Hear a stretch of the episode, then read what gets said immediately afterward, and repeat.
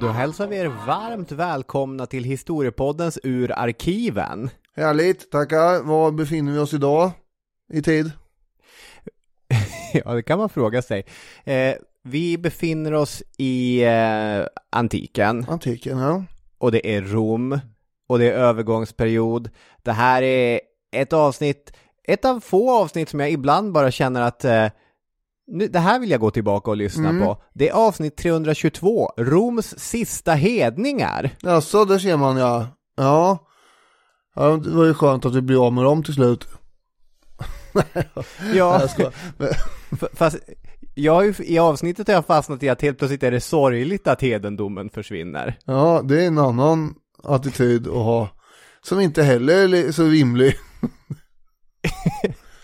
Att det är liksom, Man måste ju inte värdera det här då, kan vi tillägga. det, det är synd om de kristna tills det att eh, de helt plötsligt är lite grann i majoritet, då blir det synd om hedningarna. Det ska alltid vara synd om någon. Tillhör du de som tyckte synd om Johaug när hon grät för att hon blev fast för doping också?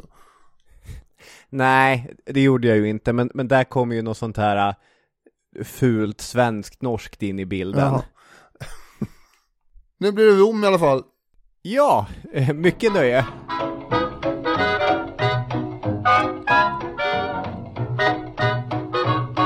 Jag har pratat om det här tidigare i avsnitt, men även live på scenen, men vi kör igen så här. Jag har en idol och det känns lite larvigt att säga det eftersom idol är väl någonting som i alla fall jag kopplar antingen till unga tonåringar och, och deras idoldyrkan eller för den delen medelålders män och kvinnor med osunda relationer till Neil Young eller Bob Dylan eller kanske Leonard Cohen eller Patti Smith. Men sån är alltså även jag och min idol heter John Darnielle. Han är låtskrivare, sångare och författare, mest känd genom bandnamnet The Mountain Goats.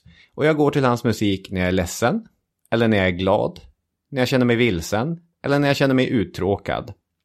Och, vilket är ännu larvigare, de möten som jag har haft med John Darnielles konst känns för mig ofta ödesbestämda. Som att när jag hade flyttat till Umeå, inte 20 år fyllda, och kände mig lite vilsen, så nästan direkt hittade jag hans musik för första gången.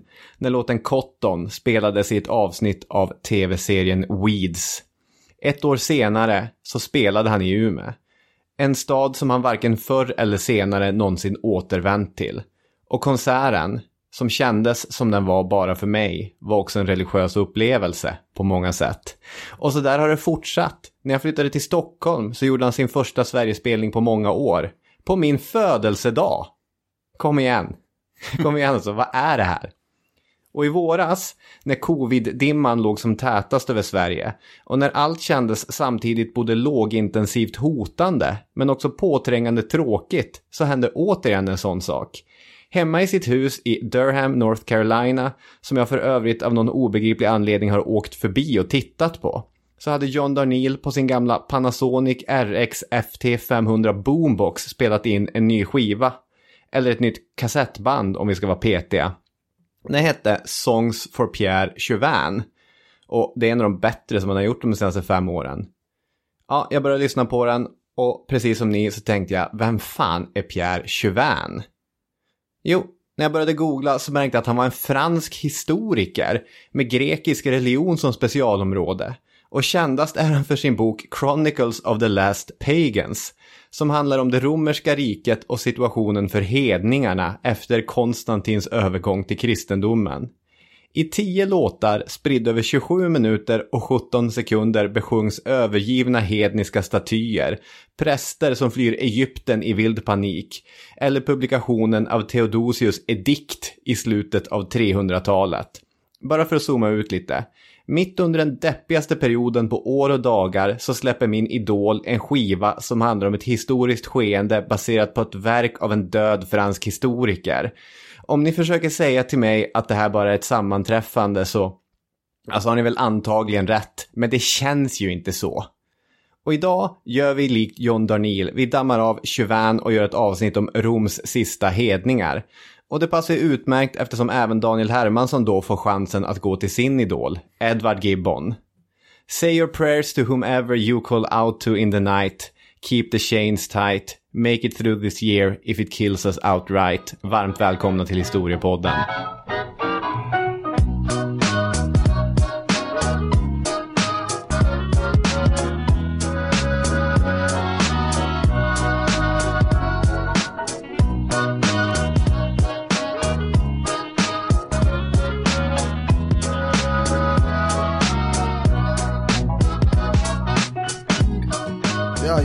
Välkomna ska ni vara.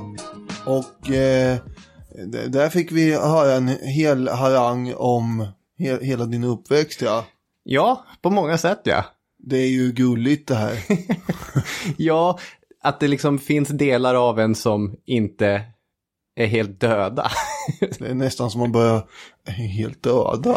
Nej, men det är... Om man trodde på astrologi så skulle man ju kunna tänka sig att stjärnorna har ställt sig i någon viss ordning här för att de här grejerna skulle hända. Du måste bli lite till det i alla fall när du märkte att hela den här skivan handlade om eh, den här historiska perioden. Ja, så är det ju. Så jag tänkte att nu får jag en ursäkt för att sätta mig in i låtarna och böckerna och dessutom kan vi göra ett avsnitt. En ursäkt, det hade du gjort ändå, ju, satt in i låtarna. Ja, så är det. Jag vill också kanske rätta till det här med att Idol kanske inte Edward Gibbon är. Den här 1700-talsgubben. Eh, Men han är ju en bra författare. Ja, Och det finns det ju fler som är. Men som du sa där, Idol är ju inte så många man har längre. Nu när Bo Hult, den gamla försvarsprofessorn, har lämnat in.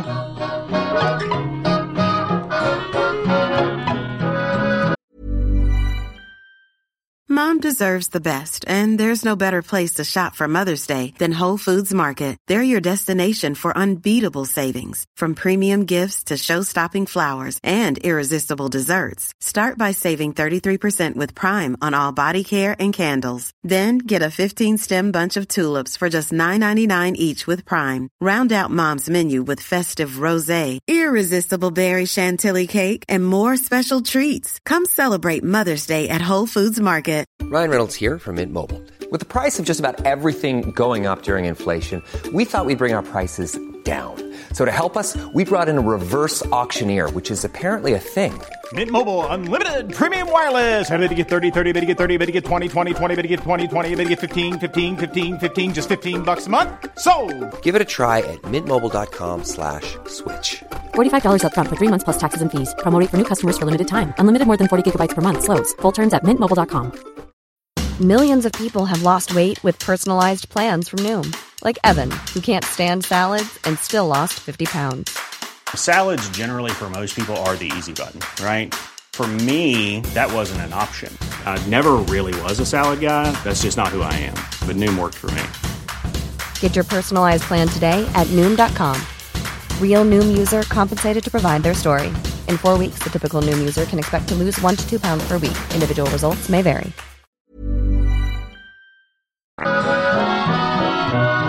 Okej. Det här är ett avsnitt som på många sätt handlar om religion. Också om politik och makt såklart, men mycket om religion. Chauvin, som vi bland annat har läst, vi har, inte, vi har läst många olika små böcker och artiklar, han skriver på franska, men vi har läst honom på engelska. Och det ordet som hela tiden förekommer hos honom och hos alla andra författare från den anglosaxiska språkvärlden, det är ordet pagan. Vilket blir hedning på svenska. Får jag bara klargöra lite grann. Det här handlar ju till stor del om kejsaren Theodosius. Just det. Den första i slutet på 300-talet efter Kristus. Mm. Som kommer att eh, eh, införa olika lagar och edikt kallas det då. Eh, som eh, riktar sig mot de här hedningarna. Just det. Bara så att vi vet vad vi har för fokus här i avsnittet. Det är nämligen så att vi som vanligt nästan nu för tiden eh, börjar i bakvänd ordning. För vi kommer ju, man skulle kunna tänka sig att man börjar med eh, Konstantin den store och införandet av kristendomen och har ett rafflande avsnitt eller en avsnittsserie om ho- honom då, den här stora giganten i historien som grundar Konstantinopel och allting. Men nej, vi, vi börjar i den andra änden när hedningarna drar ut istället. Ja, det kan man ju göra. Så återkommer vi till Konstantin sen någon annan gång. Han kanske nämns i förbifarten här vartefter också. Exakt, det är vårt privilegium att välja vart vi vill börja. Ja, ja, så är det. Det är bra att du är inkluderande och får med alla i den här berättelsen. I alla fall, hedning på svenska. Jag tror faktiskt man kan prata om paganism på svenska. Jag har hittat det ordet, men det känns lite avigt tycker jag. Hedning och hedendom är ju vanligare. Jag tänkte man kan hoppa på lite etymologi då. Först den engelska. Ordet pagan, det kommer från två stycken antika begrepp. Dels det grekiska helen och det latinska paganus. Och helen i kontexten av eh, hedendom, det är ett begrepp som med tiden kom att användas för att insinuera att den gamla kulturen inte var romersk längre. För 400-talets kristna så använde man begreppet helen enligt Chauvin för att visa hur grek-romersk kultur inte längre var romersk. Om man kallade någon för helen så var det liksom ett sätt att säga att den personen är en hedning, den personen håller sig kvar vid det gamla, den personen är inte en romare. Vilket ju såklart är en eh, ganska tydlig betydelseskiftning eller betydelseglidning eftersom en gång i tiden så var det helt självklart att grekisk-romersk kultur, de klassiska texterna, var även det romerska Mm. eh, arvet. Det är alltså ett begrepp som har gjort en sån resa. Paganus, som är roten till såväl pagan som engelskans peasant. Peasant betyder ju bonde eller småbrukare. Det här paganus användes rakt igenom nedlåtande under antiken och, och senantiken som vi kommer att prata om nu. Vilket förvirrar Chauvin i hans bok. Han säger att höga herrar i senaten kunde kallas paganus och de var inga bondläppar. Hur hänger det här ihop egentligen? Etymologiskt. Och svaret han då försöker ge är att Paganus, det är någon som innehar ett pagus, ett, ett lantligt distrikt, en liten jordplätt någonstans. Och det blir betydelsemässigt då en person som är kopplad till jorden och som är kopplad till marken. Pagans är, säger Chauvin, människor som behåller sina lokala vanor. Och ställt mot utvecklingen under 200 och 300-talet blir de här paganus, de som behåller sina vanor, naturligt ställt mot alieni, de som kommer från andra platser. Och de är då främst de kristna i någon sorts eh, betydelsemening. Definitionen blir alltså i det här fallet beroende av en kontrast. Är man en hedning, är man en paganus, är man en pagan, så är man inte någon variant av kristen. Sen finns det olika varianter av kristendom, vilket vi också kommer komma in. Men det är det som är gemensamt för alla rikets hedningar. De är inte kristna. Nej, precis. Det var en lång utläggning för att komma fram till det. Vilket vi redan visste egentligen. Om jag ska vara helt ärlig. Ja, ja, ja, så är det ju. Men det är någonting så här intressant i hur, så här, vad som finns i ord och hur man uppfattar dem. Att i, i Paganus så fanns inte bara icke-kristen utan det fanns också en, en sorts underförstådd att de var bondläppar. Eller Ja. att de var konservativa eller bara höll sig kvar vid gamla saker för sakens skull. Förstockade uh, bakåtsträvare. Ja. Okej, Och, och, ja, men då tillför du något här. Tack så mycket. Ja. Och hedning, den svenska varianten, det är ju också ett, ett liknande ord. Hed är ju också en geografisk plats. Och eh, det återfinner vi i massa ord. Hedenhös till exempel. Där har vi hed. Även det är kopplat till, till marken. Ute på hedarna finns de som inte är civiliserade. De som inte är kristna. De som är hedningar. Men det är ju kanske självklart, det romerska riket är ju enormt. Och en hedning i, i rikets egyptiska delar har ju en annan tro, en annan variant av tron än en hedning i Aten. Ja, det finns ju ingen, ingen enhetlighet direkt här. Nej. Utan eh, ja, begreppet är ju polyteism. Mm, Det vill säga en förskräcklig massa olika gudar. just det. Som eh, man kan välja och tro på eh, den ena eller den andra lite mer. Och ha sin favoritgud och så vidare. Beroende också mycket på vad man eh, pysslar med. Jag tänkte prata just om den romerska religionen lite grann. Det var härligt. Ja, det bygger ju väldigt mycket på sedvänja då. Mm. Och det här systemet som jag kommer att berätta om nu, det finns ju alltså kvar på 300-talet och i slutet av 300-talet också. Mm. Eh, men det har ju funnits eh, långt, långt tillbaka. Längre än någon minns. Ja, ja det törs jag ju lova eftersom det är flera hundratals år här. Rom påstås ju då vilket inte är belagt någonstans, men det, det påstås jag har grundat eh, år 753 före Kristus. Så där pratar vi om i vårt avsnitt eh, att räkna tiden eller något sånt där, eller vad det heter. Just det. Avsnitt 123 är vi i alla fall, det kommer jag ihåg för att det är 1, 2, 3. Ah. Där är ju en eh, kille som eh, skapar kalendrar och grejer och han räknar ju ut då på något sätt med hjälp av det här att år 753 borde ha varit. Hur som helst, så långt tillbaka så var det ju eh, väldigt mycket hedendom. och det är ju fortfarande på 300-talet även om eh, Konstantin har eh, höjt upp kristendomen en hel del där i början på 300-talet. Ja, så är det ju. Under det första århundradet hade ju kristendomen gått från att i vidare romerska kretsar uppfattas som en judisk sekt till att i alla fall ses som någonting som är någonting eget. Kristendomen är kristendomen. Och det var en religion på tillväxt. Och den kommer under 200-talet och, och speciellt under 200-talets senare hälft att locka allt fler människor. Ett, ett annat avsnitt vi gjorde, 232, heter ju Perpetuas martyrskap. Och handlar om en grupp kristna som blev avrättade i Kartago. Ja, Just det, i början av 200-talet. Det är ett exempel från Roms förföljelse av kristna. Sådana em, förföljelser förekom även om de inte var konstanta. Men, men vi, vi märker att kristendomen, varje århundrade som går så växer den. ja den har ju någon slags dragningskraft som, eh, ja, det kommer vi också komma in på senare här, vad skillnaden i kristendomen kanske ligger jämfört med den här andra religionen då som är väldigt löst sammanhållen eh, i sin struktur av traditioner. Det är det som gör att den fortsätter finnas. De här traditionerna och sedvänjorna, så här har vi alltid gjort. Det är snarare det på 300-talet i alla fall, en faktisk övertygelse om att de här gudarna kan slå ner på mig när som helst. Jag är inte så rädd om Apollo, men det är ju trevligt att fira den här högtiden som vi alltid firar. Ja, och sen fanns det förstås de som eh, var ihärdigt eh, övertygade om gudarnas straff och belöningar. Men till stor del så handlar det om att göra som förfäderna och samhället alltid har gjort. Och eh, prestige kan man ju också få av de här religiösa ämbetena som finns. Just det.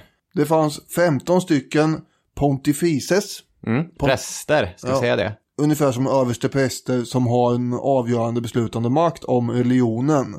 Sen har vi en eh, överste överstepräst då, som är eh, Pontifex Maximus och eh, när kejsartiden inträder eh, där runt eh, 27 före Kristus, då, då är det ju kejsaren som kommer sitta på den rollen.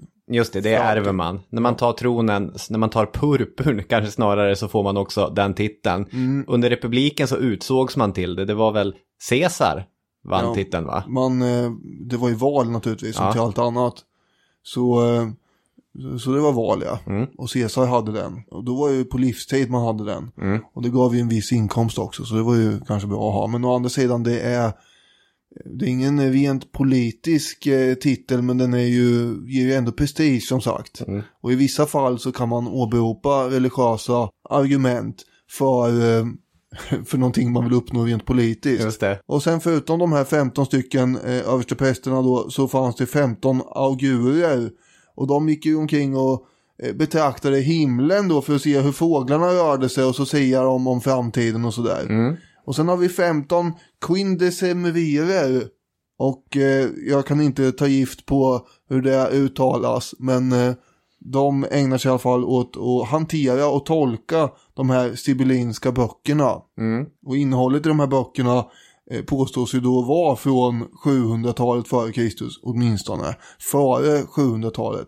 Eh, kanske till och med. Eh, de är i alla fall urgamla de här böckerna. Tyvärr har de ju då förstörts i en brand på 100-talet före Kristus. Men när Jupitertemplet brann har jag för mig att det var.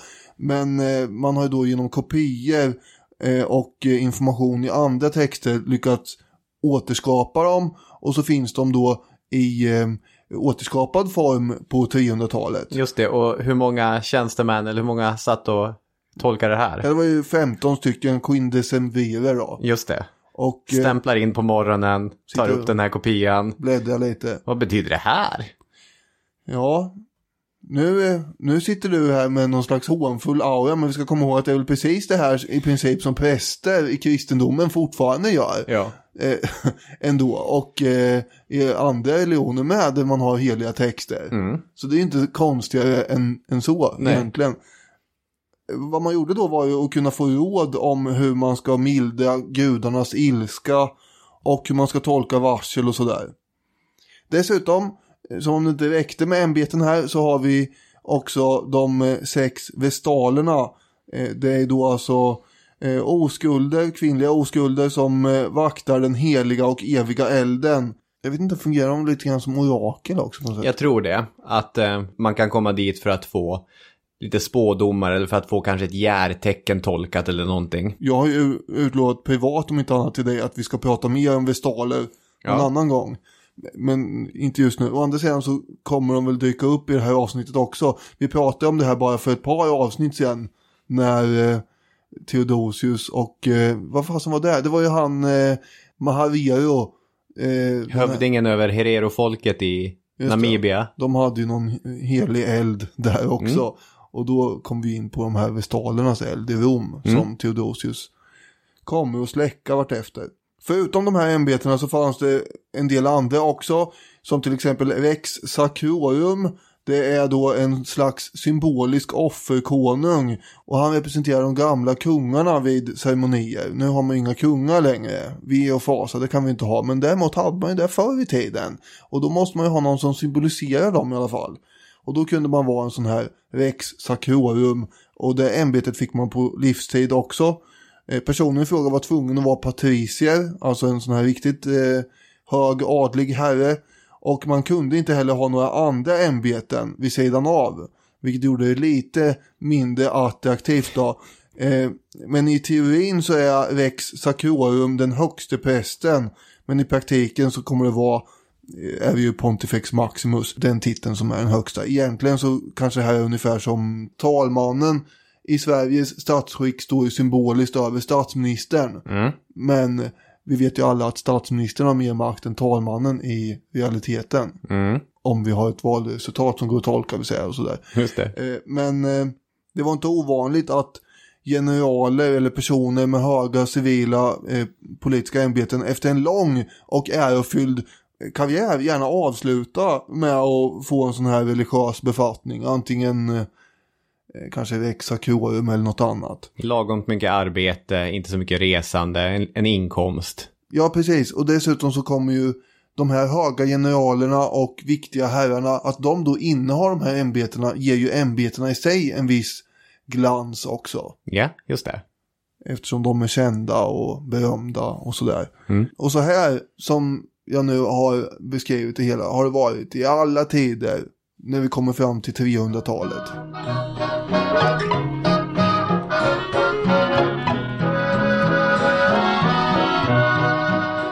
För när man zoomar ut så känns det ju som att det går ganska snabbt. Alltså under det sena 200-talet och- tidiga 300-talet så når Rom sin all time high när det gäller kristna martyrer. Det är väl Diocletianus, kejsaren då, som är är väldigt flink på det där. Eh, Men knappt en generation senare så kommer Rom bli ett kristet rike. Ja, det är inte jätteofta man till vardags börjar prata om Diocletianus. Nej. Men det hände faktiskt förra veckan eller något sånt där när jag och min sambo eh, satt och tittade på tv och så var det något om amerikansk eh, politik och det var, det var väl nyheterna jag vet. Du anklagar mig för att jag inte följer med i nyheterna längre. Men man blir ju så jävla deprimerad av allting och ändå är jag samhällslärare. Hur som helst, vad, jag sa då till slut till henne var ju att åh, man känner att man bara vill göra som Diocletianus. Avgå och lämna allt och bara, bara odla salladshuvuden. Det var han som odlade salladshuvuden, ja. Ja, han, han var lämna hela den här världsliga världen och eh, ägna sig åt sina salladshuvuden. Och ibland blir man lite trött på sin samtid. I och för sig, det lilla jag vet om Diocletianus är att eh, det är generationen efter honom, de kejsare som han pushar fram fortsätter den här förföljelsepolitiken en kort tid innan det ebbar ut. Så att han hade väl lite grann riggat för nästa generation innan han drog sig tillbaka för att odla salladshuvuden. Ja, jo, men eh, absolut. Och han förföljde ju eh, de kristna ganska hårt och sådär också. Beordrade obligatoriska offer till kejsaren och sånt där. Han var ju, jag säger inte att han var en eh, rakt igenom skön kille här. Nej. Det är ju själva agerandet som jag kan eh, lite, nu säger jag att jag sympatiserar med det här. Mm. Men samtidigt så, som sagt så vet ju du att jag blir rasande när spanska kungar och påvar och allt vad det är i vår egen tid avgår och abdikerar. För det ska de inte göra menar jag ju på. Nej. Men, men ändå kan förstå delvis att man gör det. Här, här låter jag väldigt kluven. Ja.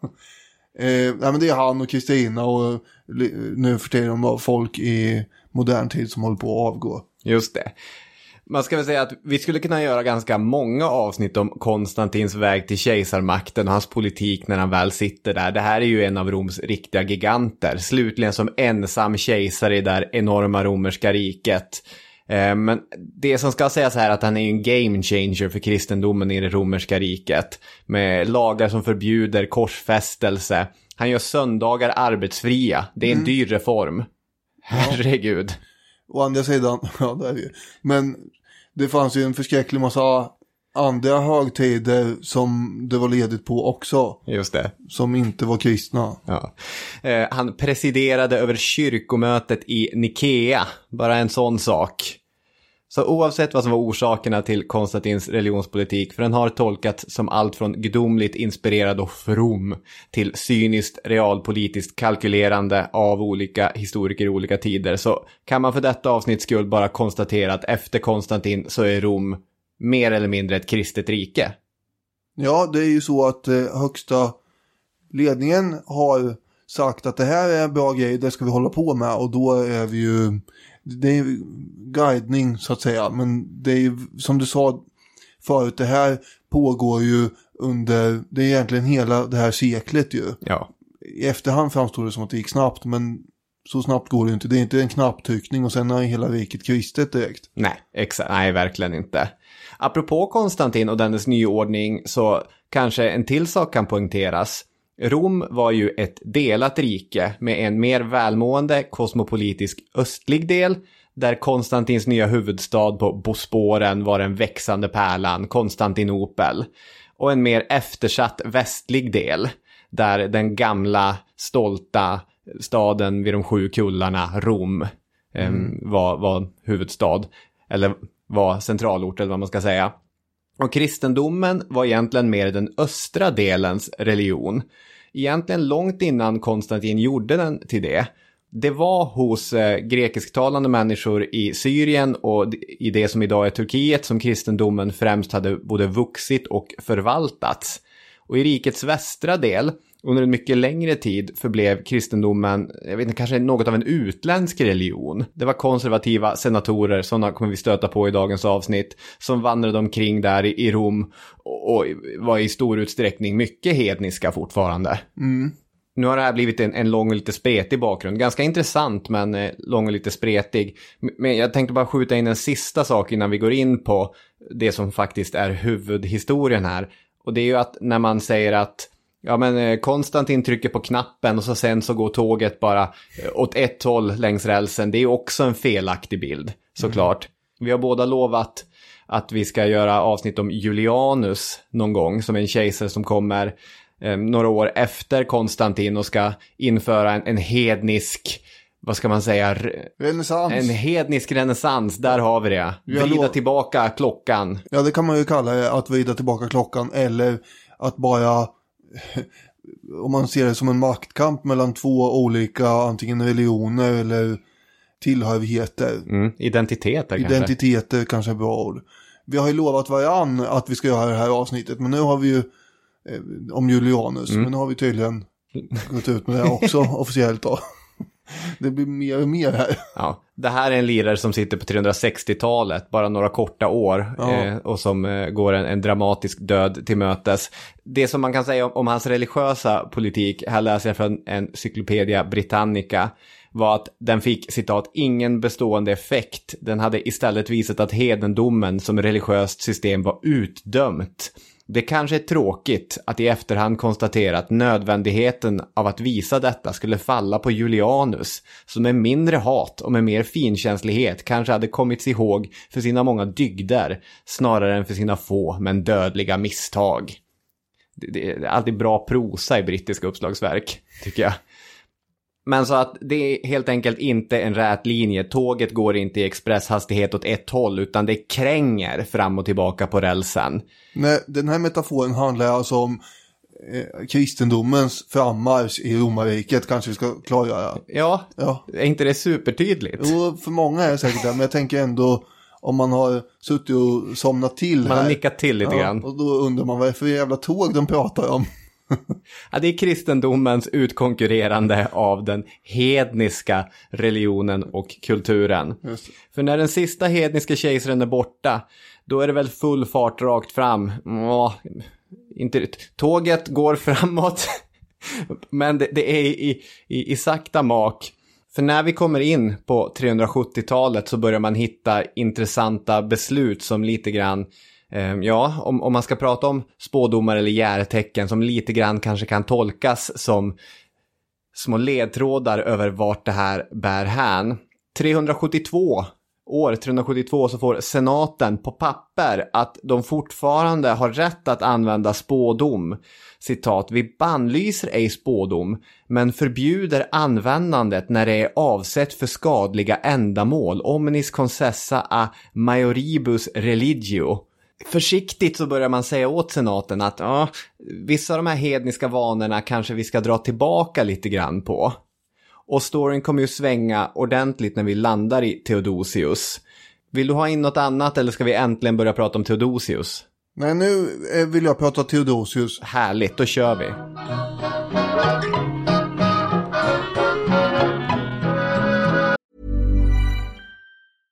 Ryan Reynolds here from Mint Mobile. With the price of just about everything going up during inflation, we thought we'd bring our prices down.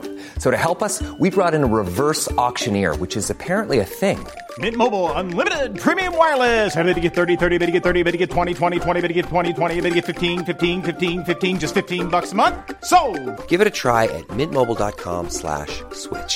$45 upfront for three months plus taxes and fees. Promo rate for new customers for limited time. Unlimited more than 40 gigabytes per month. Slows. Full terms at mintmobile.com. Burrow is a furniture company known for timeless design and thoughtful construction and free shipping, and that extends to their outdoor collection.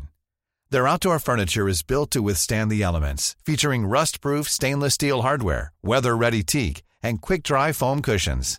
For Memorial Day, get 15% off your Burrow purchase at burrow.com slash ACAST and up to 25% off outdoor. That's up to 25% off outdoor furniture at burrow.com slash ACAST.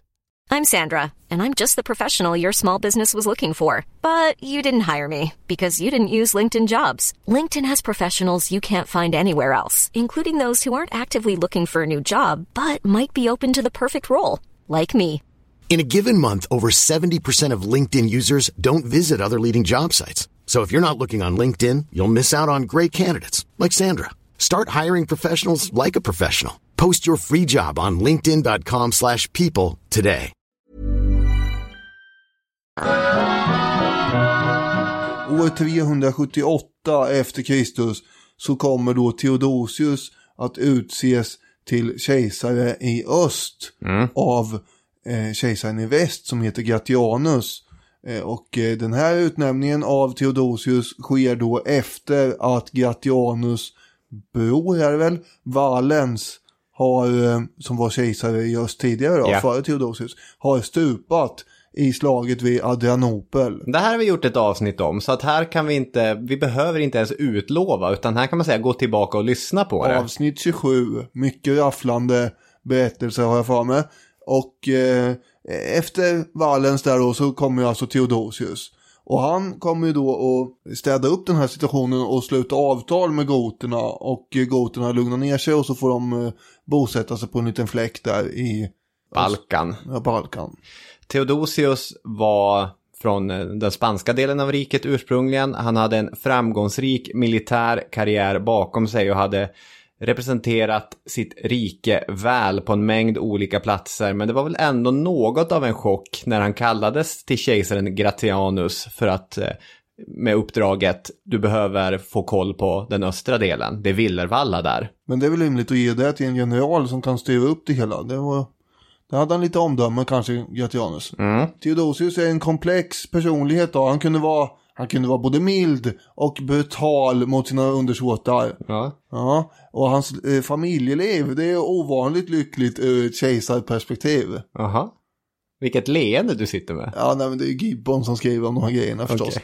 Och eh, det är ju, gör ju inte att saker och ting är osant. För Gibbon var ju en historiker om en 1700-talshistoriker. Och han har ju grävt i de här eh, äldre historikerna som finns då förstås. De känns inte lika tillgängliga på 300-talet som de gör på 100-talet eh, efter Kristus och 100-talet och 200-talet före Kristus och sådär. Nu ska man säga, Chauvin som i och för sig är förälskad i senantiken, han menar ju att det finns ett källmaterial från den här perioden som är rikare än många andra eh, tillfällen eftersom det kommer ett brevmaterial eh, utöver eh, de här antika historikerna. Så är det ju säkerligen att den här Chauvin har rätt i det. Eh, där tänker jag absolut inte protestera emot. Men jag har lite svårt att komma åt de här breven på latin och grekiska och förstå dem. Det är bara det. Theodosius, han älskar ju sin fru och sina barn och sina syskonbarn också. Till och med sin farbror älskar han. Eh, och han är som du sa en kompetent och skicklig general. Han har inte fått några beskyllningar för att leva på något extravagant sätt eller vara fåfäng. Och det är ganska vanligt att kejsarna får, eh, får har fått eh, sådana etiketter klistrade på sig. Han var ju väldigt förtjust i att läsa historia också. Fördömde ju eh, både Marius och Sulla och deras härsklystna metoder. Just det, Avsnitt 48 och 49. det här var saker som skadade republiken. Visserligen har ju då Theodosius visat stor godhet och eh, förlåtelse när han har utfärdat amnesti till eh, alla människor i staden Antiochia som då har begått ett våldsamt uppror. Men det är klart att vi kommer ju komma här till blodisande illdåd som han också är ansvarig för. Så det är inte bara det att han gav eh, Eh, var schysst liksom och förlät folk som hade gjort uppror utan han kommer också att uppvisa en eh, kompromisslöshet som, som gränsar till fanatism ju. Och det är det som är det komplexa med honom att han kunde vara han kunde vara en trevlig, sympatisk, hygglig, god kille samtidigt som den här nästan då fanatismen gör att han är fullkomligt stenhård också ibland. Och om vi då befinner oss i antiken och behöver en bra metafor för det här så säger vi att Theodosius har ett janusansikte.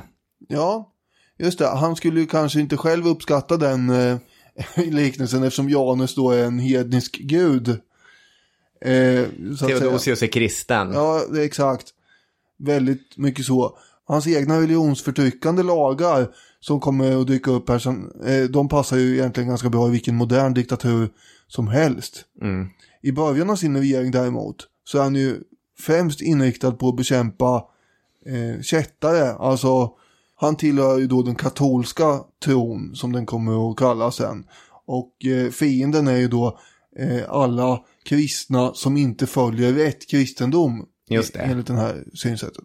För varför, om vi går tillbaka några generationer, varför Konstantin hade känt sig tvungen att sammankalla det här kyrkomötet i, i, i Nikea där, det var ju därför att man hade ju så svårt att enas om vad som i själva verket var, var, var Gud. Var fadern och sonen två olika saker? Eller var de en och samma sak? Det här är ju inte första gången vi pratar om och inte sista heller antar jag. Nej, det var ett, ett jäkla bråk kring det där. Och de kristna som framförallt tyckte att nej, men de är två olika väsen. Det är inte så att fadern och sonen är en sak. De var ju arianer, arianska kristna, arianismen kallat. Och arianismen var spridd över stora delar av riket och Theodosius, mycket av hans tidiga kyrkpolitik är uttryckligen riktat mot dem. I ett edikt från 380 säger han att endast Endast de som tror på treenigheten kan kallas för katolska kristna. Vilket jag för övrigt tror är första gången som katolsk kristendom dyker upp i källmaterialet. När han använder det ordet. Okej. Det kan vara så i alla fall. Ja, många av hans föregångare på tronen där i Konstantinopel just har ju varit då avianer. Eller många, de närmsta eh, föregångarna har varit där. Och dessutom är ju många av de här goterna och germanerna generellt som förkristnas, de väljer då arianismen. Mm. De har ju lätt att förstå den här eh, hierarkin mellan eh, fadern och sonen. Mm. Men att fadern och sonen skulle vara på något sätt samma, det, då blev blev det rörigt. Det är en steg av abstraktion som är lite stökigt. Det är lättare att säga att de är två olika saker. Året efter det här ediktet så sammankallar Theodosius ett nytt kyrkomöte. Den här gången så ska det hållas i Konstantinopel. Och då bekräftade man den bekännelsen som konciliet i Nikea hade slagit fast. Jag tror på en enda gud, allsmäktig fader och så vidare. Eh, Den nikeanska konstantinska bekännelsen. Så fokus är på, på arianismen. Sitter man och tror på gamla hedniska romerska gudar så kan man under Theodosius tidiga tid på tronen ändå göra karriär. Chauvin lyfter flera exempel på, på tjänstemän både i Rom och Konstantinopel som får högt uppsatta hederspositioner eller som uppmärksammas efter sin död trots att de inte alls är kristna. Nej. Utan de är gamla härliga romerska hedningar helt enkelt. Chauvin jämför Theodosius tidiga regim med just Konstantin den store. Alltså, liksom, det snarare handlar om att gynna kristna än att straffa eh, hedningar. Ungefär så är hans tidiga tid som kejsare.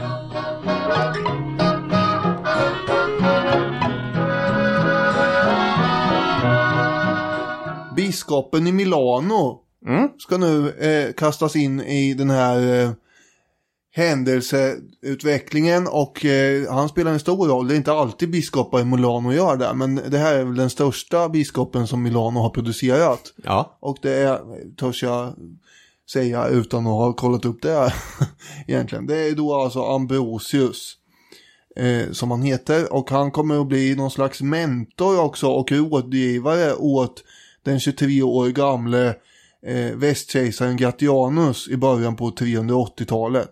får jag berätta någonting om hur det kommer sig att Ambrosius blir biskop i Milano? Ja, okej. Ja, jo, men det känner jag till. Men gör det för de som inte... För de som inte känner till hur Ambrosius blir biskop i, i Milano. Nej men som du säger, det här är en av senantikens mest inflytelserika kristna figurer. Eh, han kom inte från Italien, kom inte från Milano, utan var född i Gallien och var son till en romersk prefekt där. Och kommer på omvägar hamna i Milano. Och inte helt olikt förra avsnittets huvudrollsinnehavare Harry S. Truman lyckas han genom att vara enda kandidaten som ingen annan hade någon invändning mot bli Milanos biskop när det är val 374. Encyclopedia Britannica skriver Ambrosius, den populära outsidern från en inflytelserik men också samtidigt okänd senatorsfamilj, valdes som kompromisskandidat och gick med det från odöpt lekman till biskop på åtta dagar. Ja, det är inte illa. Nej? Apropå eh, Truman. Ja. Så eh, jag har ju min kurs Kalla kriget. Mm. Och då var det en grupp som skulle ha ett seminarium här igår om, eh, om Koreakriget. Mm. Och då hade, hade de eh, duktiga elever som de är eh, lyssnat då på vårat avsnitt om Koreakriget och histor historiepodden alltså. Mm. Eh, och eh, då sa en tjej att ja, jag var tvungen att läsa på lite runt omkring innan jag lyssnade på det där. För det var ju bara, det var ju tio minuter långt personangrepp från dig på Truman först. Ja, det kommer jag ihåg att jag... Ja, och det hade jag också kommit ihåg, men att det var så fränt så att det gick under benämningen personangrepp, ja okej. ja, ja, jag tycker inte jag var så hård mot honom i förra avsnittet som jag kanske var i det gamla Koreakriget-avsnittet. Ja, det var det du ville in. Jag trodde att du skulle kofota in att du hittade vad som hände med Trumans varmkorv. Åh, ja gud ja, det är bra, det måste vi eh, klargöra. Eh, det har jag nog visat på Instagram redan. Okej, Eh, men- apropå Ambrosius. ja, det har ingenting med Ambrosius att göra just nu. Men min inledning i förra avsnittet handlar ju om eh, Truman och att han åt en eh, hotdog då när de ropade på honom. Ja. Men, eh, och så sa jag att ingen vet hur det gick med den där hotdoggen, om man slängde den eller om man tog med sen när han blev uppkallad på scenen. Men nu har jag ju sett ett klipp då, där karln sitter på scenkanten och tuggar hotdog. Och det här bara kom ju eh, av en slump, eh, det var inte av en slump, jag satt och tittade på det här, men helt plötsligt så dyker det upp i det här eh, klippet. Jag var inte alls beredd på det. Och Nej. jag slog mig på knäna och jublade. Där sitter han och äter sin varmkorv. Eh, ungefär skrek jag. Just det, gör ett tidigt politiskt markerande mot matsvinn. Ja, Man kastar inte varmkorven bara för att man ska upp på scenen. nej. Och så kastar jag mig över telefon och eh, filmar det här och skickar till dig. Ja, det var härligt, det piggade upp. Um, Åter Ambrosius. åter till Ambrosius. Milano är inget dumt ställe att sitta på. Han kommer med tiden få ett stort inflytande, som du säger, som mentor till olika kejsare. Detta dels genom hans begåvning för politik och dels genom att kejsarens hov ofta befann sig i Milano. Så eh, Ambrosius blir en maktspelare här. Ja, allas vår Edward Gibbon skriver så här. Hans livliga och kraftfulla intellekt gjorde honom dock snart skickad att med nit och klokhet utöva sina kyrkliga maktbefogenheter och samtidigt som han utan saknad avstod från den världsliga maktens fåfänga och lysande prakt tog han för kyrkans bästa på sig uppgiften att leda kejsarens samvete och utöva kontrollen över rikets förvaltning. Jag tycker det låter som om den goda Ambrosius hade vissa världsliga ambitioner Jag tycker också det faktiskt. när det gäller inflytande då. Eh, Men han beskrivs påfallande ofta med positiva värdeord. Både Bonniers världshistoria och Alf Henriksson gör det. Bonniers världshistoria, där står det att han, han är myndig. Och Alf Henriksson eh, nämner honom som den modige biskopen och sådär. Så, men alltså, han har ju haft hund... Ambrosius blev ju en jätte jättestor figur i den tidiga medeltidens kristendom. Och det har ju varit hundratals år av eh, påtagligt kristna historiker som har skrivit upp hans arv. Och det är inte så att han, inte, att han har ett rakt igenom negativt arv, men det går ju också komma med en, en revisionistisk bild av Ambrosius och hur, hur from eller hur fri från världslig makt han egentligen var. Det kan man tänka sig att det går. eh, år 383 så avsäger sig ju hans adept, det vill säga kejsaren Gratianus, den här titeln Pontifex Maximus, översteprästrollen. Nu, nej det ska jag inte vara längre, säger han. Jag är kristen. Den där titeln hade ju kejsarna bara tagit över av ren rutin. Men eh, nu, förmodligen väldigt inspirerad av Ambrosius då, så avsäger sig Gratianus den. Eh, dessutom så drar man in både de hedniska prästernas och vestalernas statliga lön. I praktiken slet han, eh, som Gibbon skriver, sönder den romerska vidskepelsens väv som dittills hade haft stöd i 1100 års övertygelse och fast rotade sedvänjor. Sen har vi eh, senaten då. Och i själva senatens eh, kuria så står det fortfarande en staty över segergudinnan Victoria där. Just det. Den har alltid stått där eh, nästan. Men den åker fram och tillbaka eh, kan man säga ur den här salen i slutet på 300-talet. Majoriteten av medlemmarna i senaten ska vi komma ihåg är ju icke-kristna fortfarande. Just det. Alltså om ni har varit i Berlin så har ni sett eh, Victoria stå eh, staty mitt i Tiergarten. Hon hamnade där efter att Albert Speer flyttade henne bort från riksdagshuset. Och hon står på en, en hög staty och meddelar för alla berlinare och alla andra i världen att Preussen minsann har krossat Danmark och Frankrike. Och då ska man hissa upp den här statyn. Hon har vingar som en ängel. Och, och i handen så håller hon en krans av lagerblad. Och det är ju fint att ha en Victoria-staty, tänkte preussarna. Och det tänkte också de hedniska senatorerna. Ja, det tänkte jag ju. Men då fanns det kristna som inte tänkte det. Förr i tiden så hade man ju då vid varje, eh, och även på 300-talet, 380-talet, de som inte var kristna i alla fall, eh, då hade man börjat eh, sammanträdena med ett offer av vin och rökelse vid statyns altare innan man började debattera diverse saker. Men nu skickas alltså representanter för senatorerna till kejsaren för att be om att Victoria-statyn ska få återkomma. För det är ju så att man har tagit bort den eh, tidigare. Och det var ju Gratianus som hade gjort det också. Förmodligen kanske på in- initiativ av Ambrosius. Ja, men det var det ju. Jag ser det framför mig på något sätt hur man bara puttar den här plinten av- marmor fram och tillbaka och det gnisslar fram över golvet och där kommer den och där åker den och där kommer den igen. Eh, Den här eh, delegationen med representanter som då skulle försöka övertyga kejsaren om att ta tillbaka Victoria leds ju bland annat av retoriken och den gamla religionens försvarare Symmachus. Mm. Och han menar ju då att det som har fungerat så väl i gamla dagar och förvandlat riket till vad det var eh, måste man väl ändå fortsätta och underhålla. Och han försöker vädja till kejsaren eh, som, eh, som ju är en så generös och osjälvisk man att inte ska han konfiskera Victoriakultens intäkter här. Och i sitt försvarstal för att Victoria ska få plats i senaten igen så lyfter han fram gudinnan Roma också. eh, som då är symbolen för den romerska staten. Och så lägger han då eh, följande ord i eh, gudinnan Romas mun.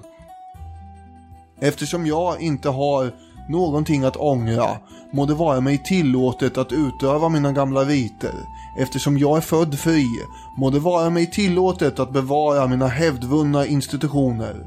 Denna religion har besegrat världen och underställt den mina lagar. Dessa riter har drivit tillbaka Hannibal från staden och gallerna från Kapitolium. Måste mina gråa hår bevittna en sådan olidlig vanheder? Jag känner inte till det nya system som jag nu tvingas att omfatta. Men jag vet att det alltid är ett otacksamt och vanhedrande uppdrag att lära åldringar nya seder. Just det. Här får man ju lite känslan av att det i själva verket handlar om mer än huruvida den där statyn ska stå där eller inte. Ja, det handlar ju om. Det handlar ju om intäkterna för de här eh, ämbetsmännen som har religiösa eh, roller då och eh, hela religionen egentligen. Symmachus, eh, han har ju då betydande delar av folket på sin sida som anser att allt som gick dåligt i tillvaron kan man skylla på kristendomen egentligen. Och man behöver inte påpeka egentligen att Symmachus främsta fiende är Ambrosius. Biskopen ger ju den unga kejsaren då råg i ryggen så att säga eh, för att kunna motstå den här ordvängande eh, senatorn. Ambrosius påpekar dessutom själv att de romerska legionernas framgångar i historien de beror nog snarare på legionernas tapperhet och disciplin än några hedniska gudar. Det blev inget Victoria-altare eh, eller staty i senaten eh, på ett tag till. Och sen dyker den in en kort stund igen på 390-talet och sen är den borta igen. Ja. För det är ju som det är med Rom och samtidigt som det pågår den här mycket, vad ska man säga, rafflande politiska, kulturella striden så kommer det ju också uppstå mer bokstavliga strider. Ja, Det blir dramatiskt i rikets västra del och det kommer påkalla Theodosius uppmärksamhet. Vad som händer är följande. Året 383 kommer Maximus, en romersk befälhavare, även han från Spanien, att låta sig utropas till kejsare över de västra provinserna av hans trupper i Britannien. Och det här är då ett uppror riktat mot den sittande kejsaren Gratianus. Och Gratianus kommer dansa ut ur bilden nu. Han kommer bli lönnmördad, sannolikt på Maximus order. är det att dansa ut ur bilden, att bli lönnmördad? Okej, plocka ner skylten då. ja, okej. Och man kan tänka sig också att eh, det här eh, pockade på intresset hos de hedniska senatorerna och, och, och de i Rom som tänkte att, eh, att det här är intressant. Den här kejsaren som vill ta bort vårt altare, nu försvinner han. Men eh, Chi fick dem, för det nya hoppet är inte hedendomens räddning. Maximus var kristen och hade inga bryderier när det kom till att beslagta eh, senatorers land eller liknande. Nej. Maximus kommer ju att sitta som eh, kejsare i några år faktiskt, så han är ju inte eh, utan framgång. Theodosius eh, kommer inte göra något åt det där förrän år 388 när eh, han eh, går i strid med Maximus och besegrar denne då. Eh, själv hade ju då Theodosius eh, förhållit sig ganska avvaktande och försiktig gentemot hedningarna som vi har sagt. Eh, också de första åren som ensam kejsare över hela riket som han är 388 till 391. Eh, Nu hade ju Gratianus en, eh, en liten son också som formellt sett då var kejsare över väst som hette Valentianus den andre visserligen. Men i praktiken är vi ju eh, Theodosius som eh, bestämmer redan här i slutet på 380-talet. Just det. Och sen kommer ju då Theodosius attityd gentemot hedningarna att svänga eh, dramatiskt. Och här kan ju då Ambrosius har haft en avgörande roll också. Han verkar ha varit en väldigt magnetisk karaktär den här Ambrosius. Som fick inflytande först över Gratianus och sen över Theodosius. Han uppträdde ju mer som en statsman än som en eh, kyrklig dignitär. Jo, så är det ju. Alltså egentligen direkt efter att um, Theodosius beger sig mot den västra delen av riket 388 så börjar det dyka upp saker. Och i, i rikets östra del, det han lämnar bakom sig, så um, förekom det åtstramningar gentemot hedningar direkt. En av hans högst uppsatta tjänstemän, en Synegius, verkar varit något av en fanatiker som bekämpade hedendomen med stor iver. Chauvin skriver att eh, det är antagligen Synegius som beordrar att trupper frigörs för att förstöra ett Zeus-tempel i den syriska staden Apamea. Och att han även ska ha beordrat att hedniska tempel i Egypten skulle stängas ner. Så att eh, när katten är borta så börjar råttorna dansa på, eller mössen dansa på, på bordet kanske. Men det kommer ju också bli mer konkret politik även från kejsarens sida. Ja, eh, det kommer det ju. Men ett av skälen till att jag tänker att Ambrosius spelar stor roll där är ju att Theodosius har ju själv då bland annat eh, beordrat återbyggandet av en synagoga till exempel som har rivits av eh, fanatiska munkar i en gränsstad i Persien. Just det. För det finns ju fullt med nitiska och fanatiska kristna anhängare, biskopar, munkar och annat eh, över hela Medelhavet som angriper sådana här tempel då. Eh, bland annat judarnas men också hedniska tempel. Och eh, nu tyckte ju då Theodosius att den här synagogan skulle återuppbyggas som sagt. Eh, Och att munkarna som hade gett sig på den skulle straffas. Men Ambrosius anser att en sån tolerans mot judarna eh, kan nästan likställas med förföljelse av kristendomen på något sätt. Just det, det gjorde han. Han känns ju lite som en motsvarighet till någon slags modern rättshaverist nästan Ambrosius. För han sitter och skriver långa arga mejl i affekt till myndigheterna. Eh, och med mejl menar jag egentligen brev. Då, De flesta rättshaveristerna har inte riktigt den kontakten med sittande kejsare som han har. Nej, han har ju det i och för sig. Det är inte arga insändare i DN som det här kommer resultera i. Nej. En annan kan ju gå bananas när det ges möjlighet till feedback till företag som man inte är nöjd med. Som man tycker har misskött sig. Det händer ju att man har eh, rätt långa utläggningar. och, och med viss inlevelse eh, försöker snida ihop lite rolig kritik mot dem i all sin ilska. Det som jag tänker med den saken är att jag har stor förståelse för det. Samtidigt så känner jag människor som har suttit i kundservice och vet att det är inte personen högst upp i företaget Nej. som får hantera de, arga breven om vad det nu kan vara. Ja, men det förstår väl jag också. Ambrosius, han menar i alla fall att den här synagogan som har rivits, den bör förbli riven. Och eh, om eh, kejsar Theodosius då framhärdar i att återställa synagogan så kommer det minsann påverka hans rykte negativt, säger Ambrosius. Och dessutom så kommer kejsaren riskera sin egen frälsning. Just det, och det är ju ett hot. Det är ju ett hot. Och det här slutar ju då med att eh, det blir ingen ny synagoga. Redan år 389 så hade ju då Theodosius förvandlat hedniska festdagar till vanliga veckodagar. Man fick alltså inte vara ledig för att fira sånt längre. Det var ekonomiskt eh, bra, så att säga, eh, att eh, åtgärda det. Men eh, det är klart att folk blir förbannade så fort de inte får vara lediga när de brukar vara lediga. Ja.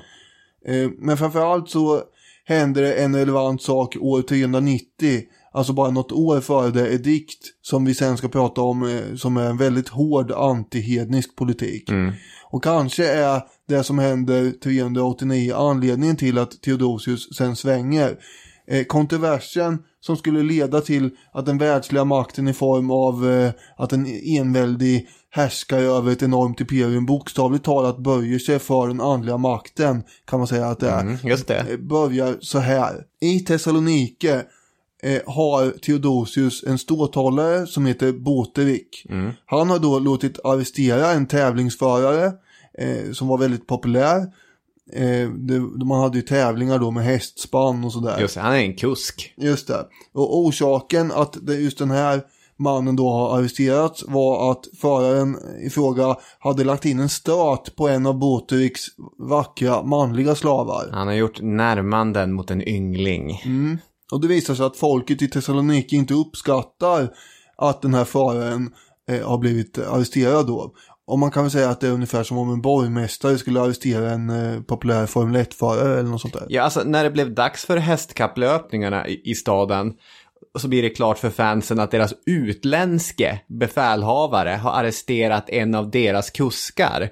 Alltså det är ju som att eh, det är dags för, för derby och så helt plötsligt är lagkaptenen arresterad av en impopulär borgmästare.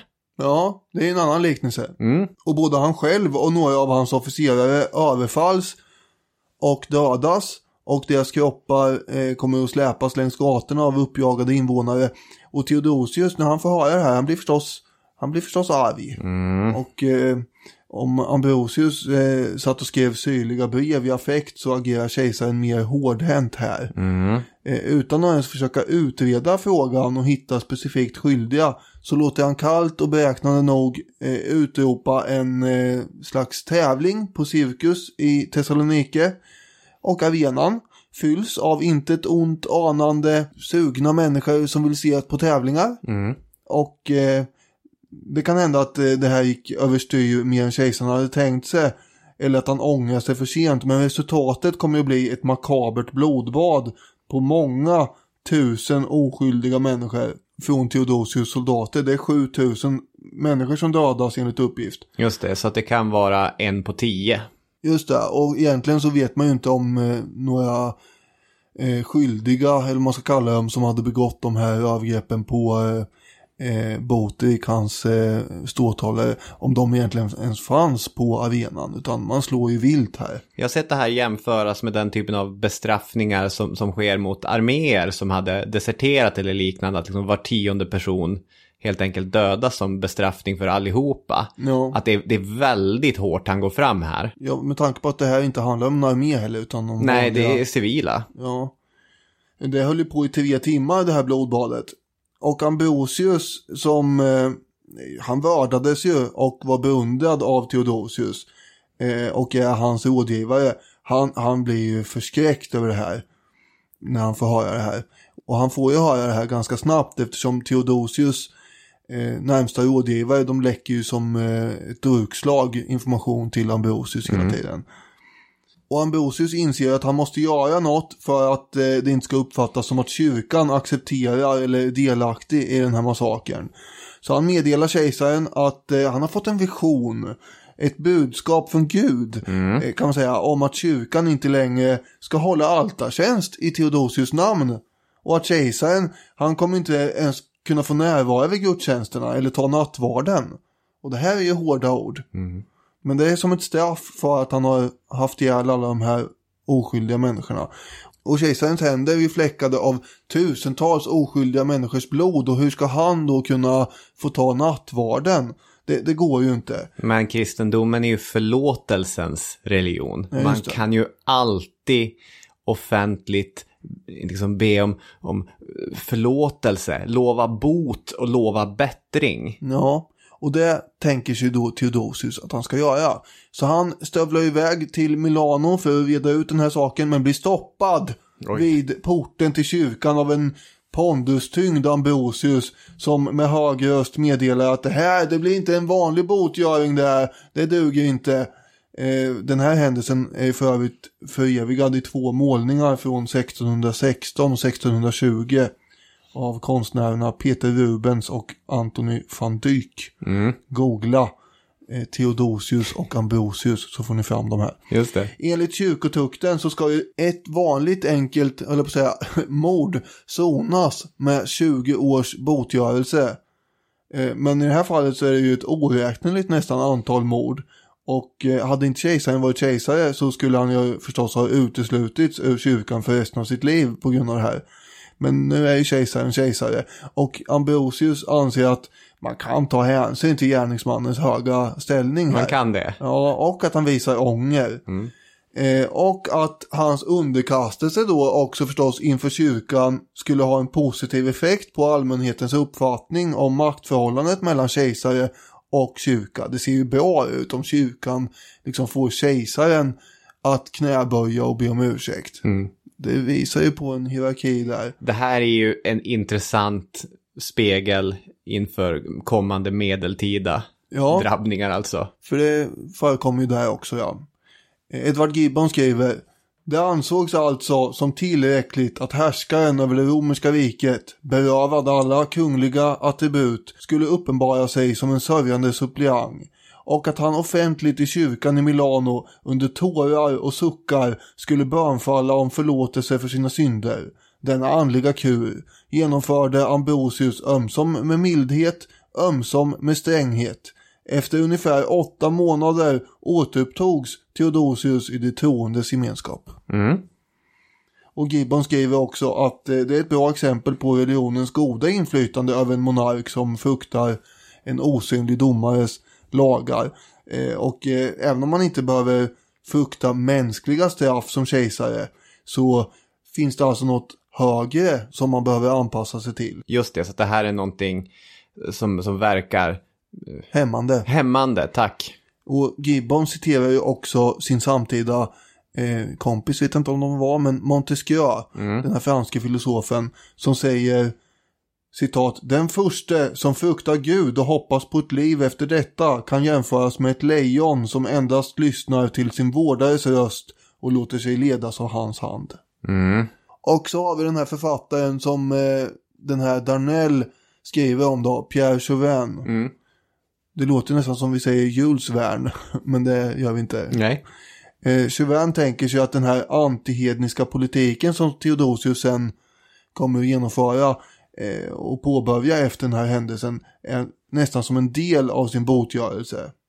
Just det, det är den, vad ska man säga, hypotes eller den eh, tankemodell som han jobbar mycket utifrån. Ja, och kanske var det så. Hur som helst så börjar ju söklampan nu leta sig mot hedningarna snarare än kättarna. Just det. Chauvin skriver, under 380-talet var Theodosius främst intresserad av kättare och avfällingar för vilka han fastställde principer i trosfrågor.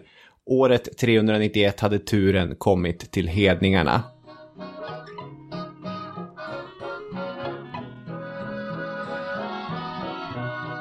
Det som kommer komma i två år eh, på rad är två stycken olika edikt. Edikt är en tillkännagivelse, eller eh, jag läser från Annie här. Eh, det handlar om de vägledande juridiska grundsatserna under en ämbetsutövning. Han säger att åt det här hållet ska vi gå. Det här är det som gäller nu. Och de här två edikten, 391 och 392, kommer spela enormt stor roll för rikets hedningar. Det var genom ett sånt här edikt eh, som tidigare nämnda Diocletianus under det tidiga 300-talet hade öppnat flodluckorna för förföljelser av kristna. 90 år senare gjorde Theodosius edikt det rakt motsatta. Ja, och budskapet är ju då att alla blodoffer först och främst i Rom ska förbjudas. Nu är det färdigspott i en massa inälve och andra ceremonier här. Just det. Gibbon igen. Han angrep vidskepelsen i dess känsligaste del genom att förbjuda offrandet. Vilket enligt hans uppfattning var både brottsligt och skändligt. Och även om han i sina edikt främst vände sig mot seden att skåda in i framtiden genom att undersöka offerdjurens inälvor innefattades också själva slaktandet som ju utgjorde grunden för den hedniska religionen. Slutcitat. Eh, ingen eh, ska heller få gå till templen längre Nej. och betrakta de här stengudarna som faktiskt människohänder har skapat. Mm, så är det. Och så bommar man och stänger igen templen. Egendom och material som har använts vid de här ceremonierna kommer konfiskeras. Och tanken kanske var i och för sig att bevara de här byggnaderna. Men när templen sen stormas och rivs av fanatiska munkar så kommer inte kejsarmakten göra mycket för att straffa de här gärningsmännen. Nej. I ett tidigare avsnitt, det är mycket i det avsnittet som går in och ut ur andra avsnitt, men i ett tidigare avsnitt så pratade vi om Hypatia, den hellenistiska matematikern och tänkaren, och eh, vi pratade om eh, hur biskopen i Alexandria, Theofilos. just det, valde att eh, ge sig på det stora templet Serafeum i staden. i Alexandria. Just det. Eh, och det var en, en stor strid där. Det här är avsnitt 139. Och i den här berättelsen så ska en nyplatonsk författare, passande nog under namnet Olympius, ha lett motståndet. Eh, för att slutligen ge sig iväg från Alexandria mot Italien och där försvinna spårlöst. Det här är en av episoderna som besjungs på Songs for Pierre Chauvin där John Darnielle tänker sig de här hedningarna i Alexandria som drogs med i upproret och gick och väntade på Olympius återkomst. Jaha, okej. Behold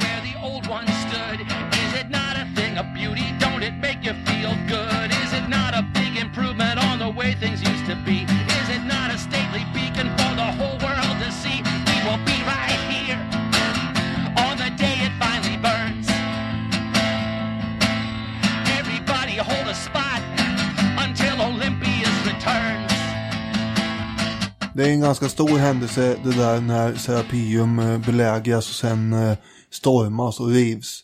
Och eh, om man eh, vill höra mer om det så kan man ju gå till det där gamla avsnittet. Exakt. Eh, vi ska gå vidare till 392 va? Ja, För i november 391 hade Theodosius återvänt till sitt Konstantinopel. Det var ju rikets mittpunkt. Och eh, han hade lite han hade familjeissues att ta hand om ja. Eh, så att där vill han vara. Men i hans frånvaro kommer saker och ting att fortsätta spåra. Eh, den andra kejsaren, Gratianus son, hette Valentianus den andre. Han var ingen av Roms mer viljestarka personer egentligen. Han hade varit barnkejsare och stått under starkt inflytande från sin mamma Justina. Och de hade överlevt den här Maximus, usurpatorn, genom att gömma sig hos Theodosius i öst. Och det var genom eh, Theodosius intervention som de egentligen kunde återvända sen och så ja, nu, nu är det lugnt, Maximus är borta, ni kan bege er tillbaka till det västliga riket. Det enda det kostade, det enda man fick betala var den ständiga närvaron av Theodosius general, den franska hedningen Arbogastes. Mm. Arbogastes var enligt Chauvin den första german som i praktiken styrde stora delar av det romerska riket. Han kommer att inneha en, en, en väldigt högt uppsatt position där i den västliga delen. Han var extremt inflytelserik. Så mycket att när Valentianus försökte avskeda sin rådgivare så berättade rådgivaren för honom att det har du tyvärr inget mandat att göra. Det kan inte du göra. Det är Theodosius som kan avsätta mig om någonting. Och kort därefter så avled Valentianus.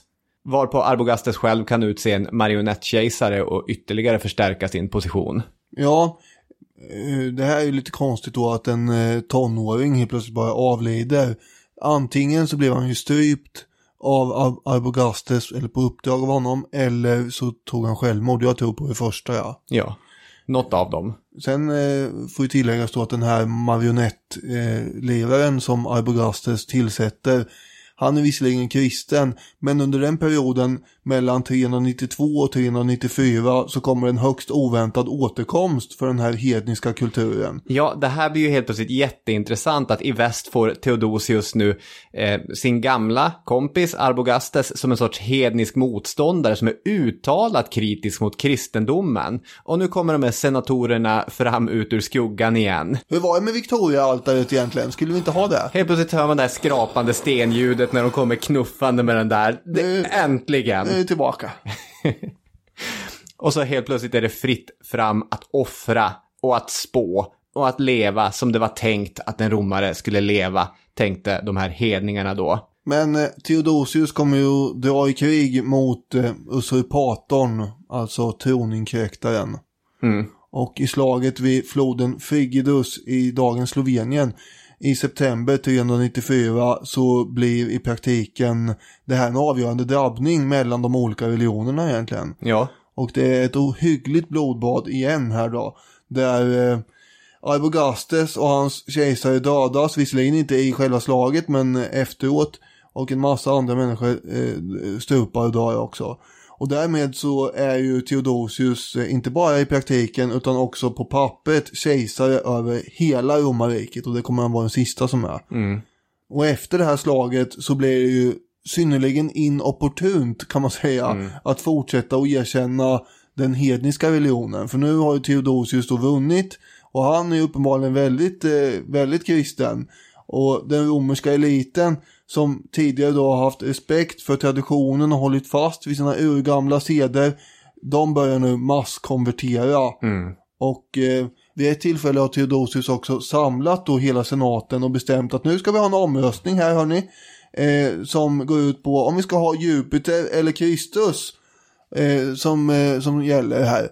Och han lovar ju då förstås att alla får rösta precis som de själva vill. För tusan, det är fritt fram. Men som Gibbon säger så räckte det med att han var närvarande för att det skulle bli en förkrossande seger för Kristus. Mm. Gibbon förvånas att eh, det överhuvudtaget är någon som röstar emot här. För det var ju några som ändå eh, envist eh, tyckte att nej, men Jupiter är en bra, eh, bra herre. Ja. Eh, De här nya konvertiterna, de är väl inte de mest pålitliga bibelstudenterna direkt. Men politismens svaghet är ju också dess tolerans och bredd kan man säga. Det fanns inte många som var beredda att dö för de här olika gudarna och deras sak. På samma sätt som eh, de kristna envisades med att gladeligen få dö för sakens skull. Nej, det är sant. Hedningarna de, de mumlar ju mer suraktigt över att de inte längre får gå och offra till gudarna så som man alltid har gjort. Men man accepterar motvilligt att de här riterna blir förbjudna hellre än att straffas av kejsarens domstolar. Just det. Den 8 november 392 så kommer nästa edikt där Theodosius säger att ingen under några omständigheter tillåts offra ett oskyldigt offer, ej heller tillbedja skyddsandar med eld, med oskuren vinranka, med parfym, tända lyktor, rökelse eller hänga kransar. Här så förbjuder han de traditionella metoderna för eh, hedningadyrkan. Precis, och det här har ju då hänt ett par år innan det här slaget och framförallt gällt i eh, öst, östra delen. Men sen när han då får makten också över väst så kommer det ju gälla där med. Och det här gäller även de mindre husgudarna som folk har. Som då stämplas eh, som förolämpande för kristendomen. Just det. Eh, Och alla hus där offer förekommer ska direkt tillfalla staten och man utdelar höga böter eh, för också mindre brott mot eh, den här lagen. Som till exempel om man inte har angett någon som man vet har offrat, ja då kan man själv bli drabbad också. Mm, just det. Grejen var ju att varken det första eller egentligen ens det andra ediktet kommer att ta koll på hedendomen i ett enda slag Nej. här. Utan det kommer ju att eh, ta några generationer in på eh, 400-talet innan eh, den är borta. Eh, Även efter första ediktet så kunde ju människor, eh, många människor samlas på särskilt landsbygden och eh, maskera den här verksamheten som rena rama picknick-eventet. Ja men vi, vi gör inget fel här. Eh, det råkar visserligen vara en sån här högtidsdag. Eh, om man råkar befinna sig under något gammalt heligt träd. Och eh, då måste man ju få äta, så då slaktar man ju då får och oxar, så grillar man där. Så här får man göra, det är inte förbjudet. Nej, exakt. Eh, Och, och, så alla höll, höll ju inte på med blodsoffer heller. Det kunde ju räcka med att tända rökelse eller kanske sjunga till gudarnas ära. sjunga till gudarnas ära, fasta till gudarnas ära. Och inget av det här hade ju varit förbjudet. Eller så egentligen. För man, man hade ju inga altaren och man hade inga offer. Eh, Så man trodde sig ha hittat ett kryphål lite grann. Men det är det som täpps till med ediktet från 392. Eh, Och då får man inte göra någonting egentligen längre. Och om folk ändå fortsatte, vilket de gjorde, med att eh, i smyg eh, tillbe sina husgudar eller offra till eh, någon större gud. Då, då var det ju så att kyrkan är ju som sagt en förlåtande institution eh, som, eh, som aldrig liksom låter bli att förlåta de som uppriktigt ångrar sig. Och eh, det var ju de som hade råkat eh, återfalla i hedendom. Och då räckte det ofta med att man fick göra någon enklare botgöring helt enkelt. Eh, för att ta ett citat från Gibbon till. Kör. Kyrkorna fylldes med allt större skaror av dessa ovärdiga proselyter, som av egennyttiga skäl hade övergått till den förhärskande religionen, och samtidigt som de till synes fromt efterliknade de troendes gester och rabblade upp deras böner, fredade de sitt samvete genom att tyst men innerligt försäkra de gamla gudarna sin trohet. Om hedningarna saknade tålamod att lida, saknade de också mod att göra motstånd och de väldiga skaror som beklagade förlusten av sina tempel underkastade sig utan kamp sina segerrika motståndare. Eh, Ja, det är så han beskriver det hela.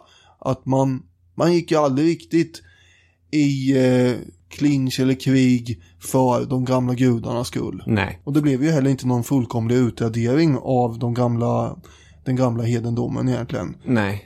Alltså det som Theodosius gör här och, och det som jag antar är poängen med det här avsnittet är att han klipper bandet mellan staten och den gamla romerska religionen. Det kommer aldrig mer bli statliga betalningar till hedniska präster, inga bidrag kommer ges till hedniska ritualer, ej heller kommer staten lyfta ett finger för att hålla efter ett hedniskt tempel. Nej. Nu är det slut med det.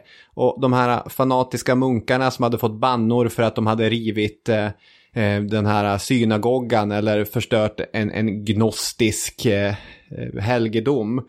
De vädrar morgonluft och i Delphi, i Syrien, i Gallien, i Egypten så kommer tempel att rivas. I Gaza så rivs alla tempel. Ofta ledda av fanatiska munkar och av biskopar som organiserar det här. Som John Daniel sjunger They came like beasts who tasted blood. First a few and then the flood coursing over hill and dale. Wet paw prints on their bloody trail. Return the peace you took from me. Give me back my community. Show us the goodwill you were shown. Or leave us alone. Mycket av den här gamla religionen har, som jag påpekade innan, byggt på eh, sedvänja och tradition. Den har ju rullat på eftersom man respekterar förfädernas ceremonier. Man, nästan som man eh, på, ja, i alla fall i Sverige till stor utsträckning idag firar jul. Man gör det för att man gör det varje år.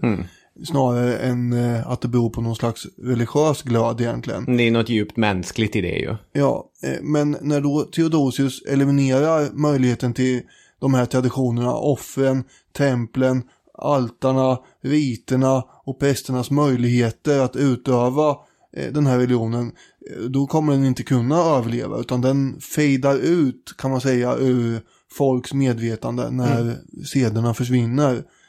Och i brist på annat kanske glider de då in eh, de kommande generationerna i den vitala och mäktiga kristendomens famn. Absolut. Och så släcker han vestalernas eviga eld. Ja, han gör ju det. och det är ju sorgligt ändå. Jag kommer ihåg när vi pratade om det, för där hade vi lite så här olika syn på det hela. Jag sa någonting i stil med att om det enda argumentet för att ha kvar någonting är att så har vi alltid haft det, så kanske det är dags att släcka den. Ja, jag kommer ihåg det här med. Och liksom, de senaste veckornas research har väl lite grann gett mig ett extra lager av förståelse att ja, det fanns ju också ganska många människor som gillade att elden brann. Ja. Så det var inte bara för att den alltid hade brunnit. Men jag vet, Vänta, är det här någon slags eh, botgöring från ditt håll då? Eller vad man ska kalla det. Där du eh, backar lite på dina tvärsäkra uttalanden tidigare. ja, men det är kanske är en nyansering i alla fall. Det krävs alltså att din idol på något sätt eh, målar upp eh, den här religionen som eh, inte är helt förskräcklig eller? Ja, men det som... Jag är ju alltid en sucker för en underdog. Det är det som är så... Det kan ju bli så att man börjar känna för de här hedningarna för man vet att de håller på att förlora. Ja. Men samtidigt för de kristna, för Theodosius och för de här biskoparna och för Ambrosius och gänget, de vet ju inte att det här är en, en kamp som de vinner. De ser det väl som en pågående kamp för, för ljus och godhet mot uråldriga konservativa romerska vanor som har passerat sitt bäst före-datum. Ja, så ser de nog det här. Det är den gamla klassiska Herman Lindqvist eh, åkomman att den personen man följer hejar man på. Ja, okej. Ja, jag förstår. Och med det är vi i mål. Ja, där är vi i mål. Theodosius var ju också i mål kan man säga år 395 när han dog och eh, hans söner tog över varsin del av det här romarriket som sen för evigt kommer att vara delat. Mm, så är det. Det är många krokar vi har lagt ut, saker vi ska ta upp i framtiden. Vi får se när det blir Julianus och när det blir allt annat. Det kan vara om, om 10, 50 eller 200 avsnitt. Ja, Den som lever får se. Ha det fint där ute så hörs vi igen nästa vecka. det gör vi. Ha det bra. Hej! Hej, hej. Planning for your next trip? Elevate your travel style with Quince. Quince has all the jet setting essentials you'll want for your next getaway, like European linen, premium luggage options, buttery soft Italian leather bags, and so much more. And is all priced at 50 to 80% less than similar brands. Plus, Quince only works with factories that use safe and ethical manufacturing practices. Pack your bags with high-quality essentials you'll be wearing for vacations to come with Quince. Go to quince.com/pack for free shipping and 365-day returns.